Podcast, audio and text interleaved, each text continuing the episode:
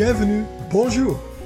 Welkom bij de Paris Podcast. Een podcast waarin Patricia Witkamp in gesprek gaat met creatievelingen en ondernemende bijzondere personen die een speciale band hebben met Parijs of in Parijs of Frankrijk zijn gevestigd. Patricia heeft een ongekende passie voor Parijs en ze wil jou graag inspireren. Veel luisterplezier. Vandaag in deze Paris podcast is Dominique Verschuren aan het woord. Dominique, bienvenue, welkom. Hallo, dankjewel. Welkom. Dominique, ehm, ik weet dat jij eh, in Breda woonachtig was in je jeugd via een studieperiode in België, uh, in Frankrijk terechtgekomen, in Parijs. Maar ik ben benieuwd, hoe ben jij daar terechtgekomen? Kun je daar iets over vertellen? Ja, heel graag. Um, het is al heel lang geleden dat ik uh, vertrokken ben uit Nederland. Dat is al bijna 25 jaar geleden, volgend jaar.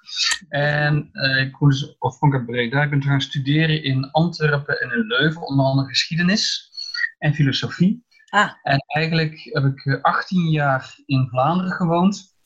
En uh, toen, ja, via mijn toenmalige werk, heb ik toen een, uh, een Française ontmoet. En dat was de reden waarom ik naar Parijs ben gegaan. Uh, dat is intussen alweer uh, geschiedenis geworden. maar ik woon hier dus nu meer dan zes jaar. En dat is eigenlijk vooral wel om mijn liefde voor Parijs. Ja. Het, is, het is een prachtige stad. En zoals voor een historicus zoals ik, is het eigenlijk gewoon een droomstad. Want je vindt van alle periodes uit de geschiedenis vind je wel iets. Uh, van de Romeinen hebben hier gezeten, zoals bijvoorbeeld de Arena, Arène de Lutèce, ja. tot de Centre Pompidou, 20e eeuw. En al die eeuwen daartussen bevind je wel iets. Van Karel de Grote, uh, Lodewijk XIV, Napoleon, um, de Derde Republiek. Uh, denk bijvoorbeeld aan het oude opera, Opera Garnier, enzovoort, enzovoort. Ja. Als ik hier dan doorheen rijd, dat is fantastisch. Op mijn fiets overheen loop, dat is altijd weer. Een feest. Eigenlijk. Ja, en het is natuurlijk overal, Dominique. Dat is zo mooi aan Parijs. Dat waar je ook bent, je, bij wijze van spreken, je, je, loopt een, je, je loopt een trap op bij een metrostation en je weet niet wat er voor verrassing weer komt. En overal is natuurlijk iets. Ik, ik, ik begrijp het helemaal. Ik zeg ook altijd van, ja, van, het is niet alleen mooi, maar het is ook veel wat er is. Uh, je, ja. blijft, je raakt gewoon niet uitgekeken. En om een voorbeeld te noemen, dat is eigenlijk pas twee keer geleden mij overkomen, was ik met een vriendin in het 15e arrondissement, wat niet eens zozeer meteen het toeristische, meest toeristische arrondissement is.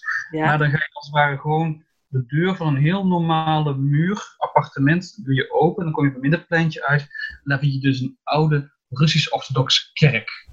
Uh, en die is daar ongeveer 100 jaar gevestigd. Die ja. zijn gevlucht vanwege de uh, Russische revolutie. Dat is gewoon een hut. En daar twee bomen groeien door het dak uh, van dat kerkje. En dat zijn van die ja, ontdekkingen. Dat is, dat is geweldig. Ja. Oh, fantastisch. Ja. Dominique, hoe, hoe werkt dat dan in, in jouw brein? Denk jij gelijk, ah, hier wil ik meer van weten. ik, ik herken aan uh, die en die stand, uh, herken ik die tijdperk? Hoe, hoe, hoe zoek jij uit wat je precies weten wil daarvan? Ja, het is inderdaad wel zo. Dat is natuurlijk uiteraard mijn achtergrond. En dat is ook beetje, ja, ik ben uiteraard toegids hier in Parijs. Dat is wel mijn, mijn, mijn, ja, mijn, mijn pre. En dat is hetgene wat ik heb meegekregen. Dat ik heel veel achtergrond heb. En ik, ik herken bijvoorbeeld in de, de stijl, de architectuur, maar bijvoorbeeld ook bepaalde gebruiken of zo, in welke periode we zitten. Ja. Um, en het is natuurlijk, buiten dat ik zo toegids ben, heb ik ook een blog. En bijvoorbeeld die Rust-Orthodoxe Kerk dacht ik van, oh, je zit een blog in, ongetwijfeld. Ja. Dus ja. ik denk dat voor het einde van het jaar die blog waarschijnlijk nog gepubliceerd gaat worden. En dat is meteen ja, interessante informatie voor mij. Ja. Ja, super. Um, Dominique, samen met François Jansen um, uh, hebben jullie Paris Promenade of Paris Promenade. Ja. Um, een hele, hele mooie website, mooie foto's, uh, prikkelende teksten. Um, teksten zijn in het Nederlands en in het Engels. Kun je iets vertellen over jullie bedrijf? Hoe zijn jullie, hoe zijn jullie dit gestart? Ja, we kennen elkaar al een tijdje, uh, omdat we elkaar ook ontdekten bij, bij andere tours. En ik denk dat we wat we zeg maar, even overeenkomstig hebben. Hij is uh, een, een, Vlaming uit Antwerpen. Dus dat hebben we al overeenkomstig. Ja. Maar ook zo feit dat we dachten van in ieder geval nog veel meer uit te halen. En uh, wat wij allebei wel, waar we allebei wel um, ja, affiniteit mee hebben, een soort genegenheid in het woordje klasse. Dus echt een beetje klasse, maar feitelijk in het leven. En dat hoeft helemaal niet zozeer duur te zijn, maar het is gewoon een beetje aandacht voor de mensen. ze niet als een nummertje zien, hè, echt groepen van 15, 20, 30 man, maar echt gewoon dat je eigenlijk met een soort, niet zozeer met een vriend, maar met een kennis of zo door Parijs gaat. En dat vinden wij hartstikke leuk om te doen. En ik voel me dan ook echt, echt gastheer, bijna op een ouderwetse manier. Ik heb bijvoorbeeld ook de neiging om mensen met u aan te spreken, wat soms heel erg raar is. Uh, dat is een beetje een van de grote verschillen tussen Frankrijk en Nederland. Ja. In Nederland wordt alles ja. en gejouwd. Vind ik ook af en toe zonde. Want eigenlijk is dat heel erg intiem, dat je een soort intieme relatie aangaat. Um, maar doorheen het gidsen, doorheen de tour, ja, zeker als het klikt, heb je heel leuke gesprekken. Uh, en dat is een beetje het extra wat je als het ware kunt geven aan mensen. Uh, ze zijn echt gewoon, ze lopen door Parijs uh, met, met een kennis die ook echt, nog echt in, in Parijs woont en alle ins en outs kent. en dat is een beetje het extra wat we als het ware willen geven. omdat ze inderdaad ook wel weten de andere kant van het verhaal, dat gewoon heel, heel veel mensen een nummertje zijn bij andere ja. algemene tours. En ook veel wat we heel graag doen is de alternatieve kant van Parijs. Uh, dat kan thematisch zijn, bijvoorbeeld de chansons van Parijs of de schrijvers van Parijs. Bijvoorbeeld bepaalde wijken. Uh, uh, François ik woont vlakbij Kanaal Saint-Martin. Hij is helemaal ja. into Kanaal Saint-Martin. Dat is echt ja, leuk. booming, ontzettend populair. En met die prachtige sluizen en die gietijzeren bruggetjes. Uh, en daar is maar feitelijk leidt die mensen rond. En ik heb andere plekken die ik heel interessant vind uh, Quartier d'Amérique, bijvoorbeeld, dat is achter Buttes-Chaumont. Buttes-Chaumont is echt een sensationeel park, wat nog ja, 150 jaar oud is. En daarachter is feitelijk heb je de oude arbeidershuisjes. Uh, en dat was echt ooit de vuilnisbelt van Parijs. Letterlijk gewoon een paar straten verderop. En echt ook harde labeur. Mensen zagen echt af in de 19e eeuw. Nu zijn ze maar hele mooie, frivole uh, huisjes. Uh, ja, daarachter Chaumont. Dat is een, dat is een leuk voorbeeld eigenlijk van eh, wat we ook kunnen doen. Het zijn echt een beetje voor de mensen die al wel wat vaker in Parijs zijn geweest, die, uh, ja, die met ons mee kunnen gaan. Maar soms verbaast me ook uh, erbij dat bijvoorbeeld sommige mensen al vijf of tien keer in Parijs zijn geweest. En Saint-Germain-de-Pré is gewoon een blinde vlek voor die mensen. Ja.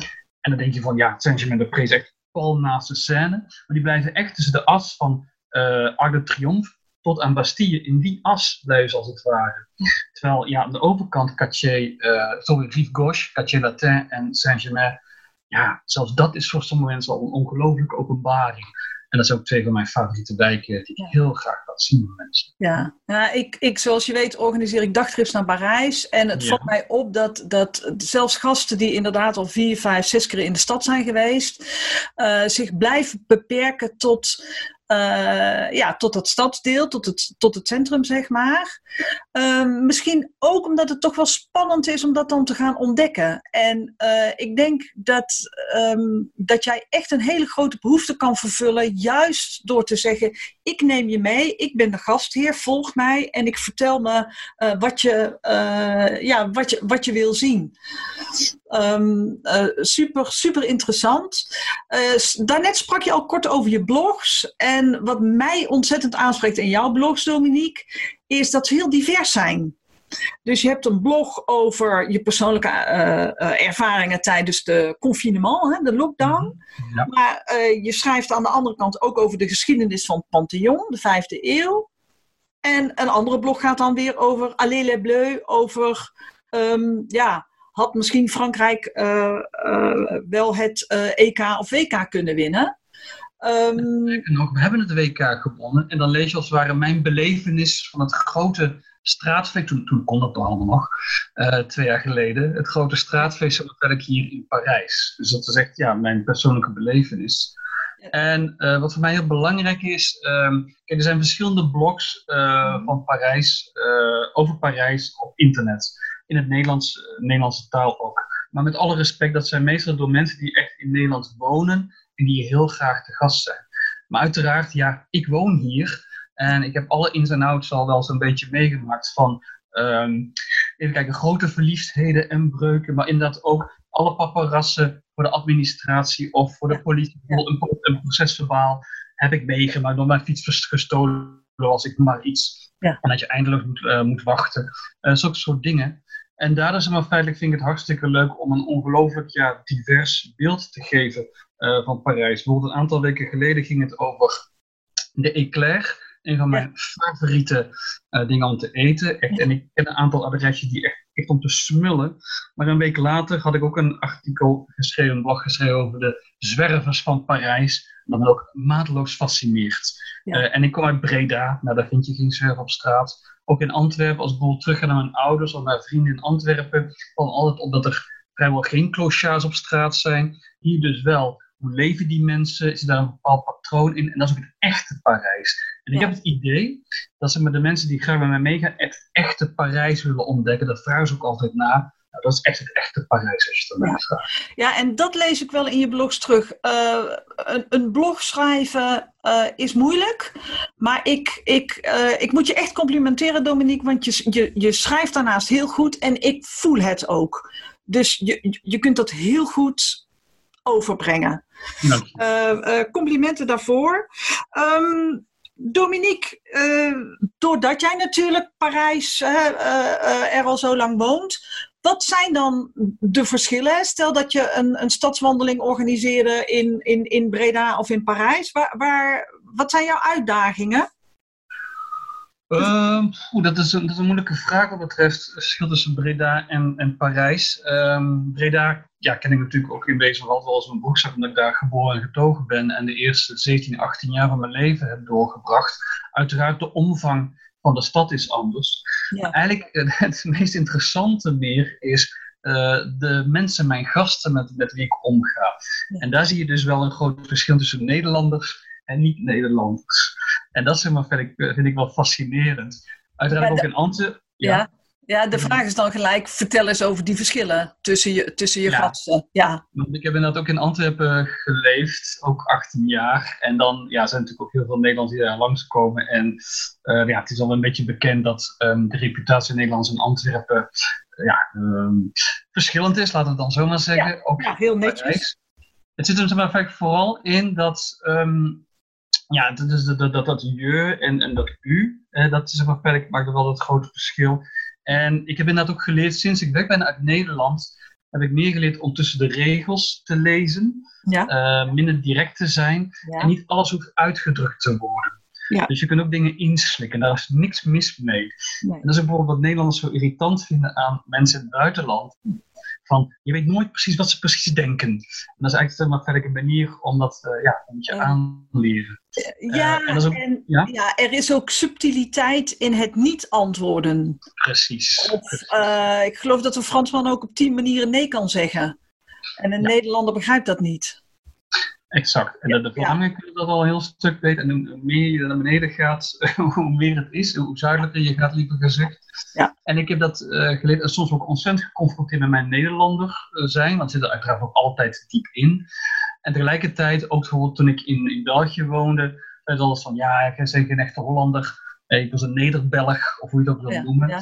En dat, dat helpt mij wel om mij beter aan te passen aan uh, de, de situatie waar ik ben.